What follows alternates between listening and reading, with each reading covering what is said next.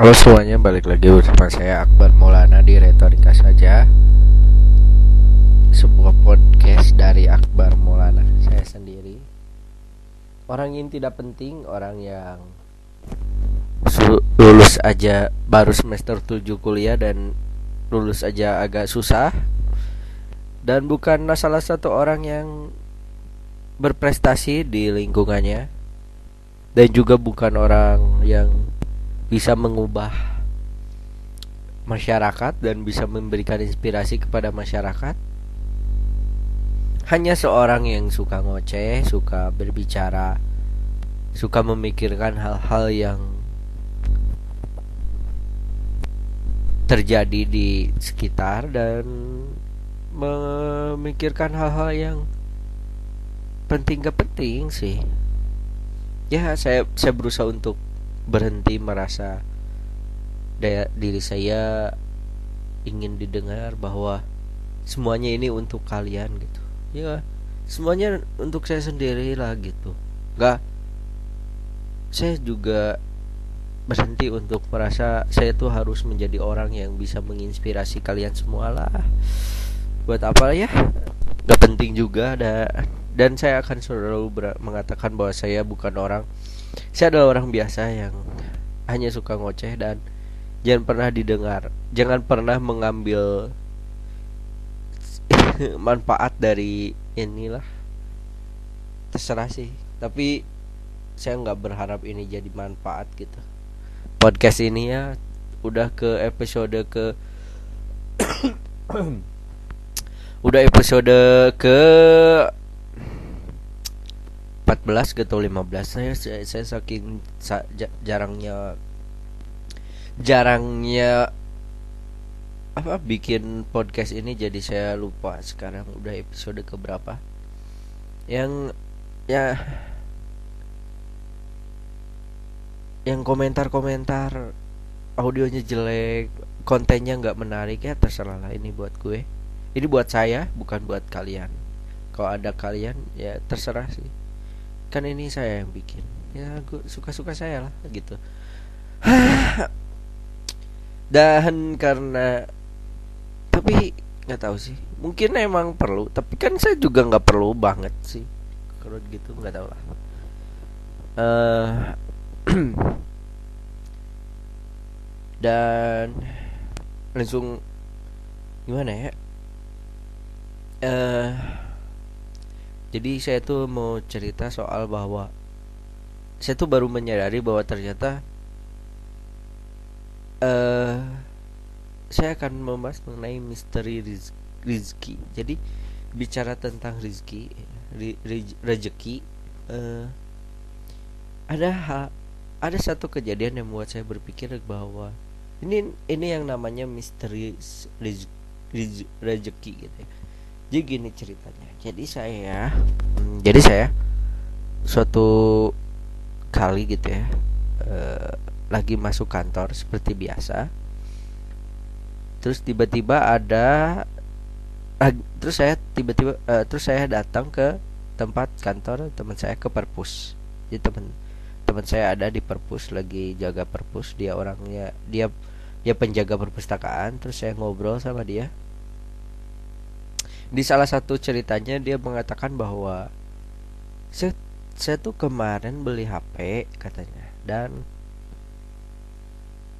dan sekarang saya nggak sanggup buat kredit jadi saya kasihin lagi ke uh, rekan guru yang lain gitu. Atau atasannya dia gitu di perpustakaan lah. Terus saya mikir kayak wah kenapa nggak saya ambil aja kan itu HP gitu kan ya udah saya bilang gitu. Terus kata dia ya udah kamu bilang aja ke gurunya yang eh, apa yang atasannya dia gitu. Terus akhirnya saya nge SMS lah atau eh, atasannya dia itu nge SMS dan akhirnya kan udah di SMS dapat balasan terus dikasih tahu bahwa besoknya ngobrol. Nah kan saya tuh emang benar pengen HP nah ketika besoknya terus saya tuh ketemu sama atasannya teman saya yang penjaga perpustakaan itu ngobrol deh bagi keinginan saya untuk meneruskan kredit yang tidak dilanjutkan oleh penjaga sekolah itu uh, penjaga perpustakaan itu. Terus saya bilang niat saya terus dia bilang kayak aduh sekarang mah udah ini udah dilanjutin sama saudara saya katanya gitu. Terus kayak kayak mikir kayak wah memang. Ya ini misteri rezeki karena ketika saya kayak jadi terus nah udah gitu terus teman saya kayak teman penjaga sekolah saya tuh eh, penjaga perpustakaan itu terus terus bilang dengan nah ini kayak nah itu mah berarti bukan rezeki bapak gitu kayak ya emang bener sih kayak kayak bukan rezekinya aja gitu ini HP gitu kayak karena kayak nah itulah di mungkin di situ sih peran peran peran alam peran Tuhan mungkin bagi yang percaya. Peran Tuhan dalam menentukan rezeki itu buat siapa dan dap untuk siapa gitu. Karena kalau dipikir-pikir hanya hanya hanya butuh hanya butuh beberapa detik beberapa apa hanya butuh aduh maaf ya batuk. Karena hanya butuh beberapa apa sebulan yang sebelumnya untuk saya mendapatkan me meneruskan kredit HP itu. Karena mungkin bukan rezeki saya HP itu akhirnya nggak dapat juga. Meskipun keinginannya tuh udah ter udah terpendam gitu. Terus kayak dan dari catukan itu akhirnya kan kita sadar bahwa memang ada misteri rezeki itu rezeki itu memang ada misterinya. Iya benar. Kalian pernah mengalami kayak gini nggak? Karena setelah saya pikir-pikir. Ya iya juga sih. Emang mungkin itu bukan rezekinya. Karena kayak alam tuh berkehendak bahwa situasinya kayak gitu gitu. Dan akhirnya saya cuman bisa menyesal dan greget gitu kan. Eh uh, bukannya kemarin bilangnya gitu tapi ya memang harus kayak gitu. Karena memang itu bukan rezeki saya gitu kan ya enggak sih? Kalian pernah saya enggak sih melami kayak gitu? Nah itu itu tuh membuat saya percaya bahwa memang rezeki itu emang udah ada yang ngatur gitu. Buktinya adalah itu. Dan dan keinginan saya untuk membeli HP pun akhirnya terwujud dengan cara yang lain gitu. Karena itu rezekinya saya gitu. Bener gak sih? Ya gak sih menurut kalian? Bener ya ya bener kan kalau kalau akhirnya dari pengalaman saya itu memang bahwa uh, ya rezeki emang rezeki saya gitu emang bukan rezeki jadi kayak ada misteri rezeki gitu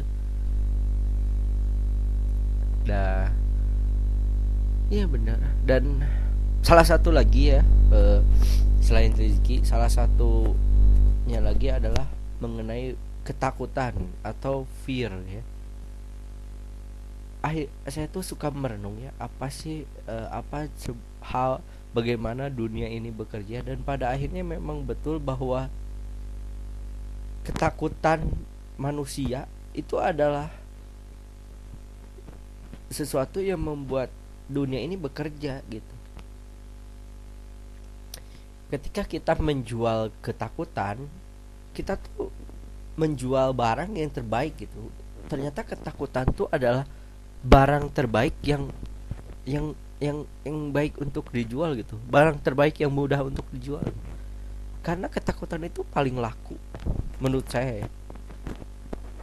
Kayak banyak uh, apa banyak inovasi-inovasi itu bela, bela, berasal dari ketakutan manusia terhadap sesuatu.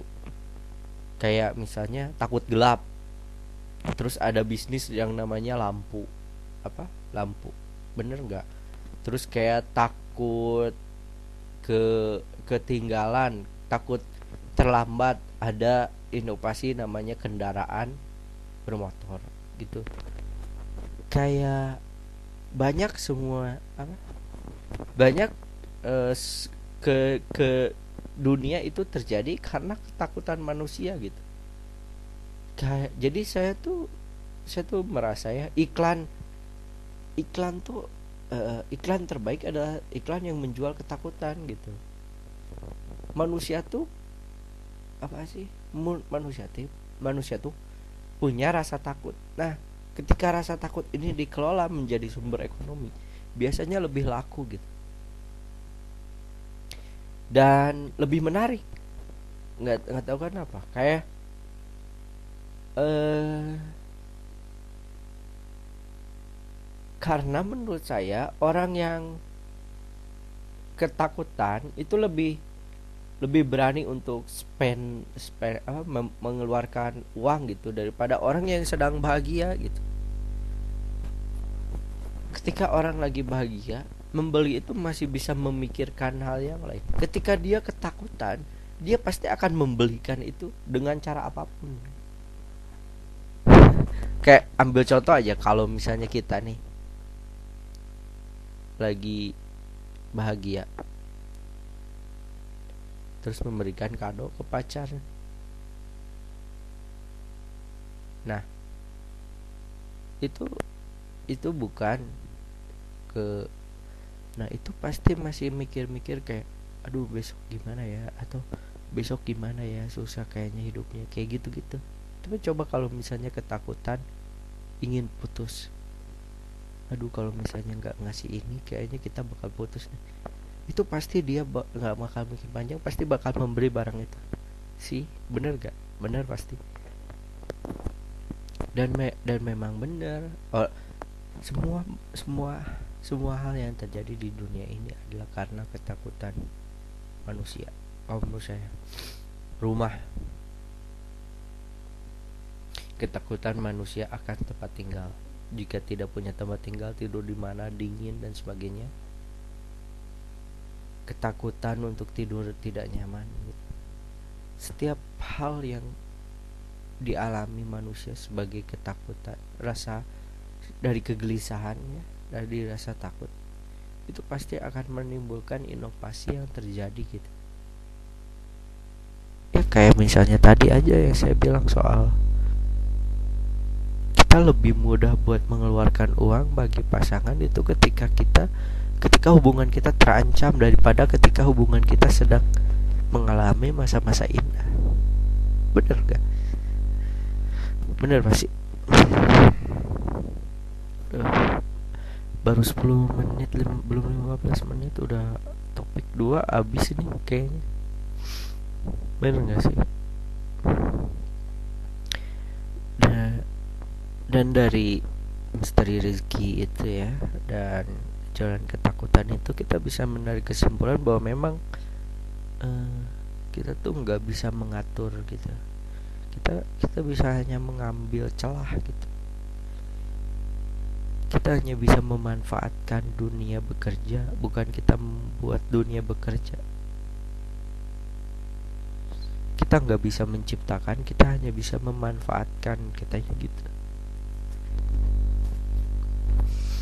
dan kita bisa terima misteri rezeki itu terus menerima apa uh, fear itu sebagai memang jualan yang terbaik itu banyak banyak banyak sekali. Dan ketakutan ini akan selalu terus dikelola akan selalu terus dikelola oleh ekonom ekonom oleh kapitalis kapitalis kenapa? Karena ketakutan inilah yang membuat dunia bekerja gitu. banyak. Dari mulai penyakit penyakit terus dikelola yang baru biar menjadi rasa takut bagi manusia gitu. Terus juga mungkin kayak perang sebagai rasa takut. Ancaman perang itu juga suka dikelola terus terus aja akan akan apa akan terjadi terus konflik-konflik gesekan-gesekan perang agar apa? Agar ketakutan manusia terus dikelola agar bisa menjadi ke, ke, ke, menjual gitu. Banyak kayak semuanya terjadi karena ketakutan manusia. Ya menurut saya benar ya banyak kalau kalau kalian tidak percaya coba aja kalian memahami lebih jauh bagaimana sebuah ketakutan bekerja dan mempengaruhi kalian.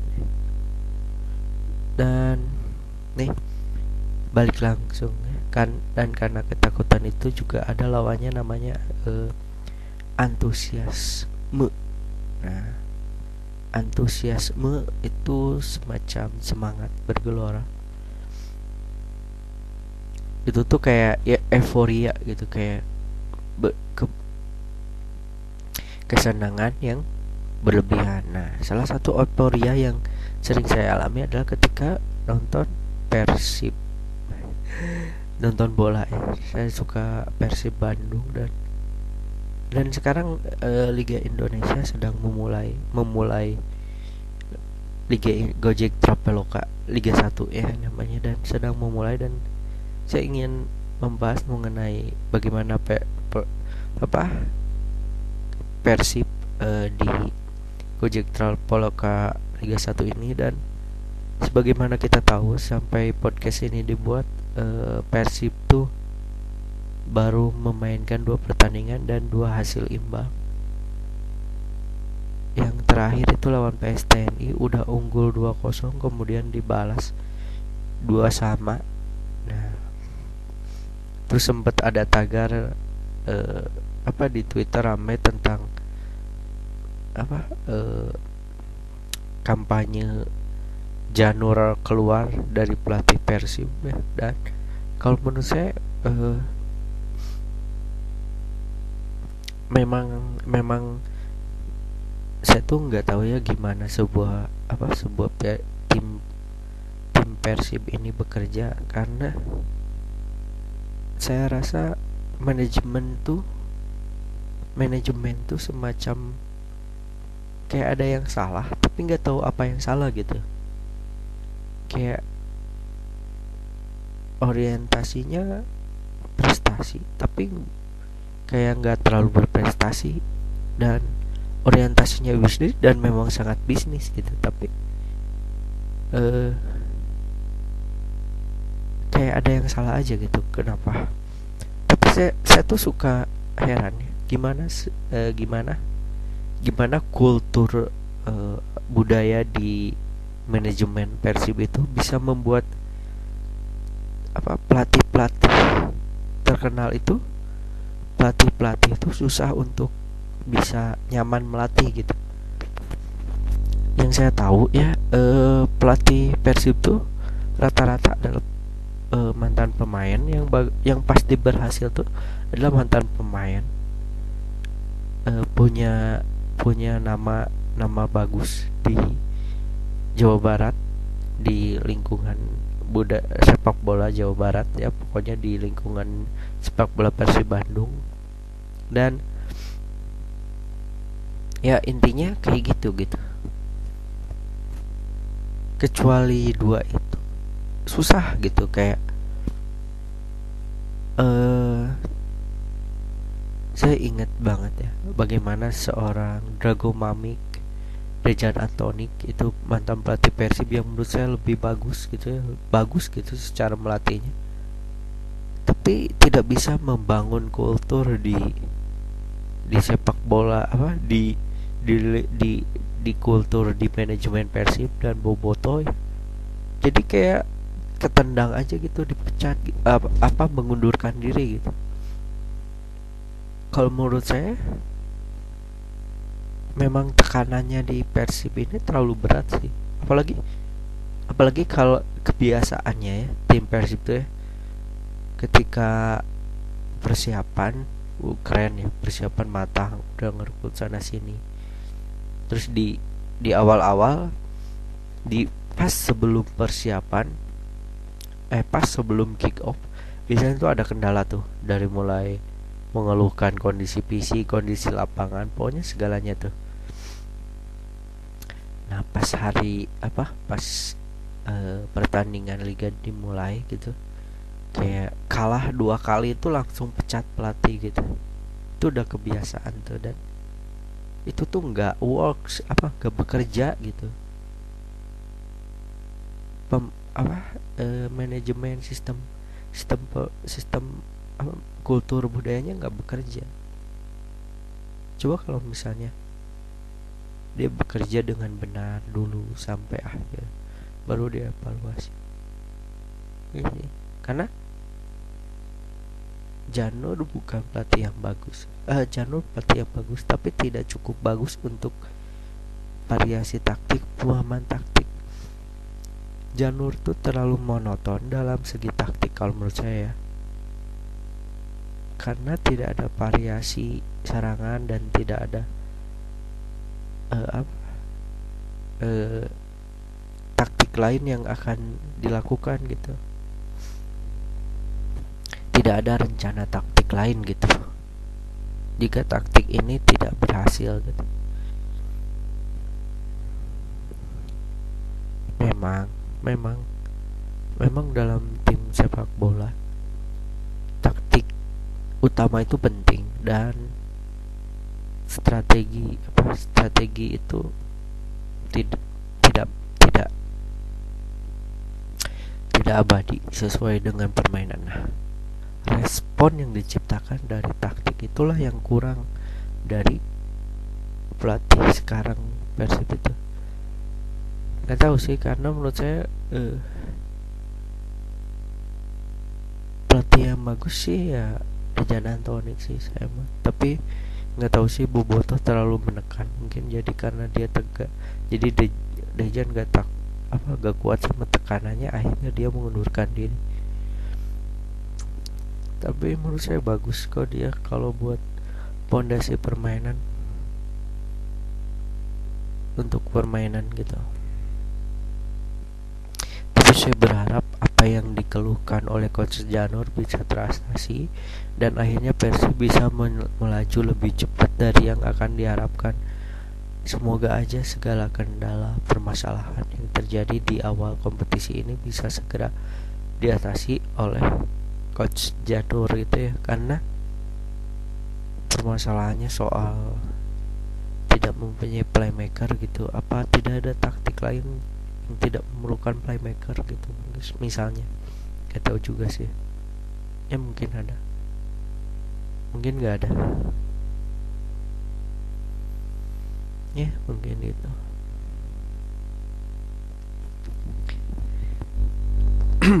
Nah. Terus juga uh, nah itu ya menurut saya Persib dan permasalahan yang terjadi dan apa ya harapan saya di liga ini. Saya tidak akan membahas mengenai peraturan-peraturan liga yang aneh. Ntar lagi lah. Ya kayak lima pergantian pemain tiga pemain U23 wajib main starter selama 45 menit. Itu aturan-aturan yang aneh sih. Tapi ya udahlah PSSI emang kalau nggak aneh justru yang aneh gitu. Eh uh, iya. PSSI itu justru gak aneh kalau nggak justru aneh kalau nggak aneh.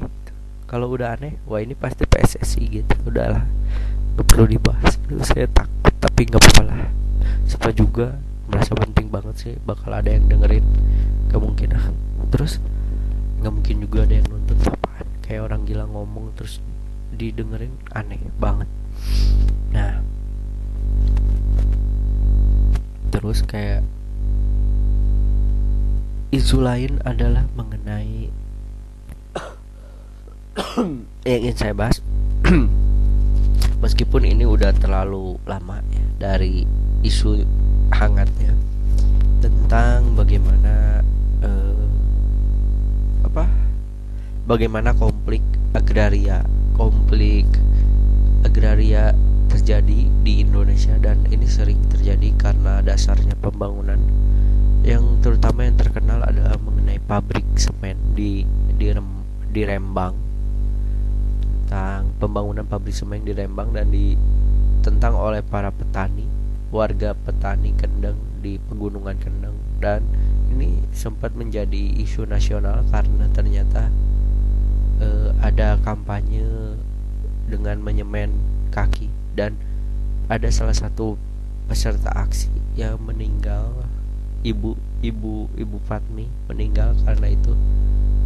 Dan dan memang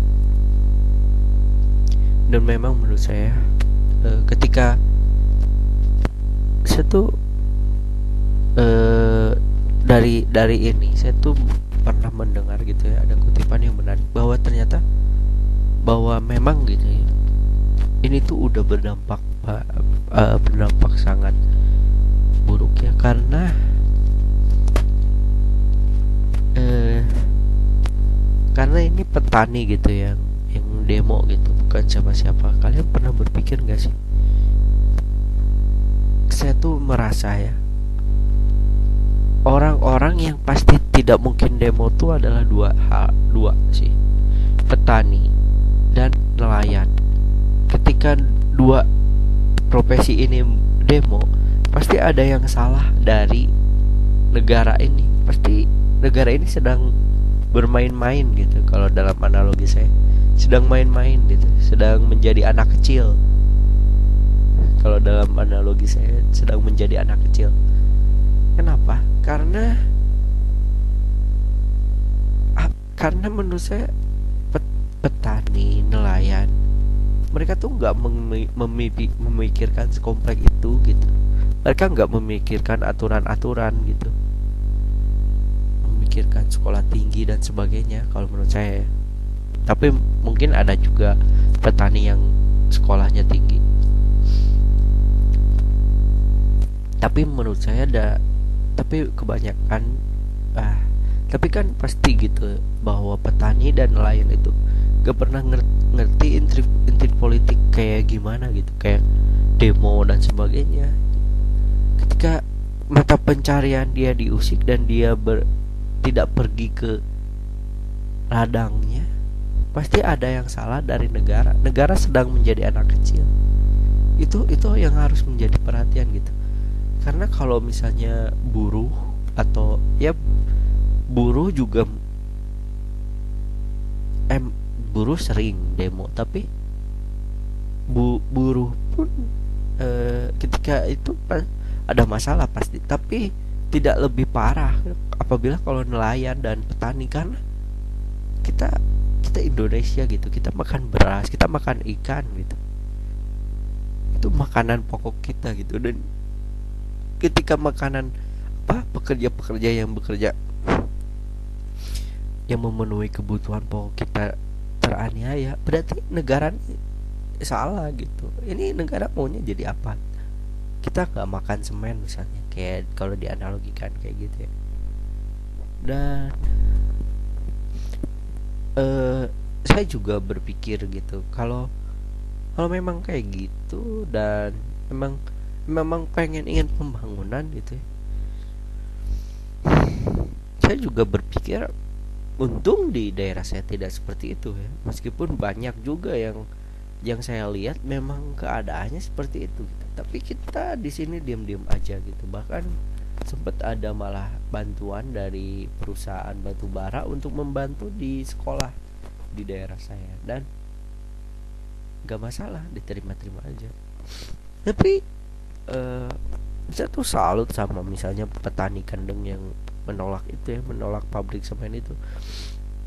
Karena mungkin eh, takutnya me, me, me, merusak mata pencaharian dia terutama air pegunungan kendeng yang untuk mengaliri sawah mereka. Kayak misalnya gitu. Lebih lebih salut sih tapi saya juga nggak tahu gimana keadaannya sekarang. Ya mudah-mudahan mah bisa bisa menemukan solusinya lah. Tapi benar enggak sih analogi saya bahwa ketika petani dan nelayan itu tidak pergi ke ladangnya yang nelayan tidak melaut yang petani tidak ke sawah gitu pasti ada yang salah dari negara ini. Karena yang kita bayangkan orang yang biasanya menuntut kepada pemerintah tuh orang yang kita bisa bayangkan terakhir itu adalah petani dan nelayan. Iya enggak nggak ada yang lain. Nggak ada. Apa coba berharap siapa mendemo? Ya ya kayak ya kayak gitu. Uh, ya itu tentang petani. Nelayan nelayan juga karena reklamasi kan reklamasi katanya menghambat apa me, merusak uh, merusak ekosistem nelayan dan ekosistem laut yang lahan bagi nelayan bekerja. Yang itu juga kan jadi perhatian. Ya gitulah. Nah kayak gitu menurut saya kayaknya dari tadi bahasanya sok benar gitu ya. Padahal saya tuh nggak benar juga sih. Dalam dan dan dan enggak enggak benar. Saya tuh juga sering gitu kan. Saya tuh penasaran gimana sih tes tes kepra, kepribadian saya gitu. Dan saya tuh mencoba saya tuh menemukan salah satu metode dalam men mencari tes kepribadian yang berdasarkan uh, atas apa ya penemuan di apa MBVTI gitu. Nggak tahu lupa lagi bentar. Nah lanjut lagi ya. Belok eh. Nah namanya adalah MB MB MBTI tes kepribadian MBTI uh, eh, yang dibuat oleh Meyer Bridge Personality Test gitu ya nah jadi uh,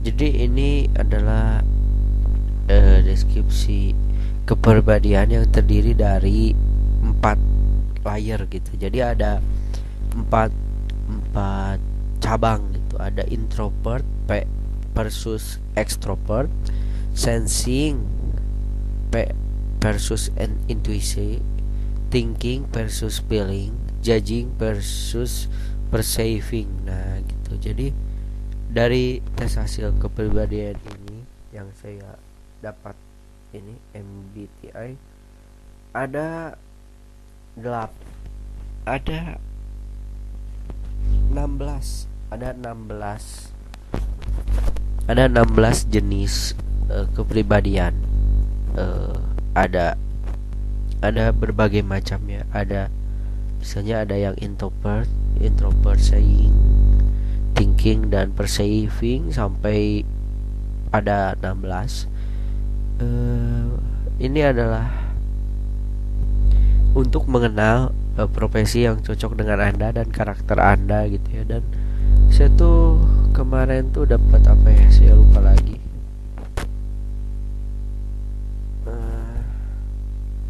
tuh lupa lagi dapat apa tapi sepertinya I I S N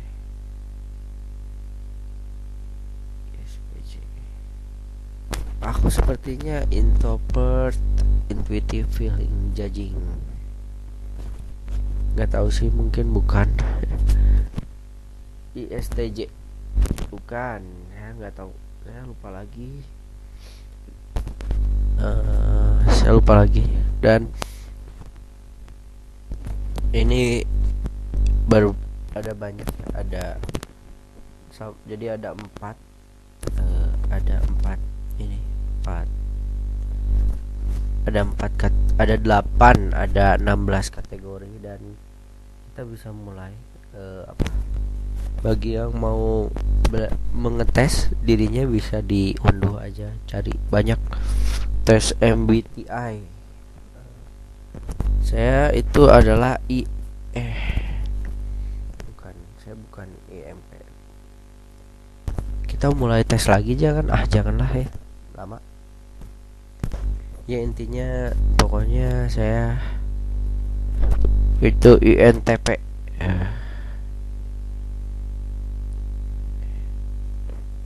dan kayaknya saya INTJ deh ah bukan. Bukan. Saya lupa lagi. Apa ya? intinya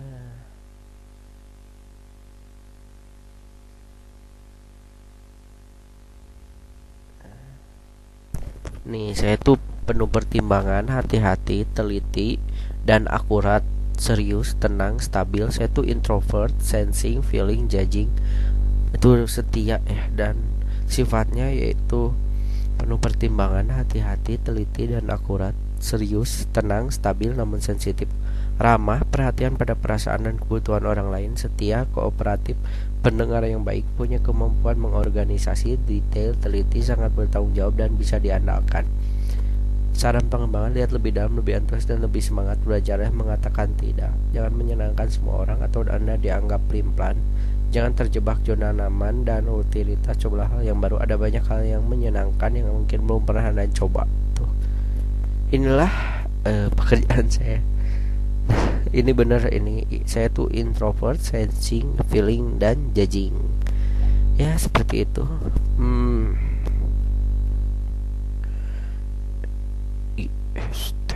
Nah, gitu.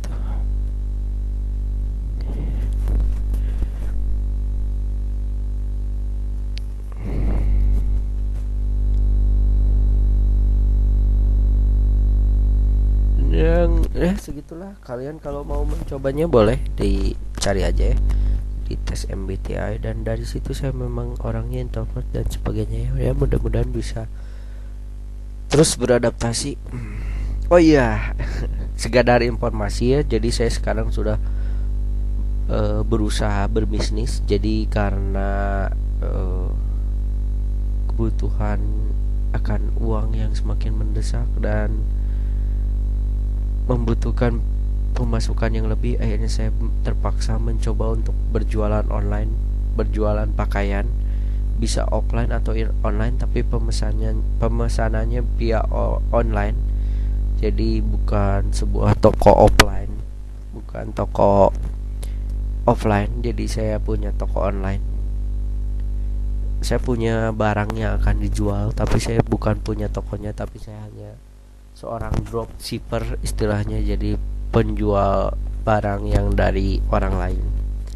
Nah, saya punya di IG saya di di to, IG toko saya.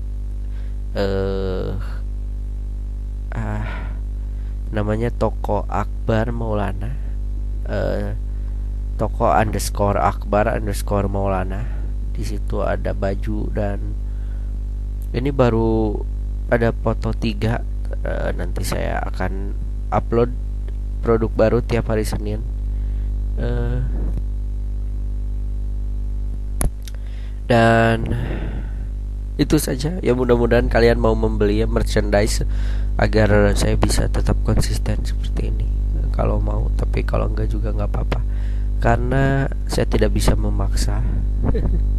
Udahlah ya uh, sekian uh, dulu uh, dari podcast saya retorika saja. Episode keberapa? Saya nggak tahu lupa lagi. Uh, yaudah dah bye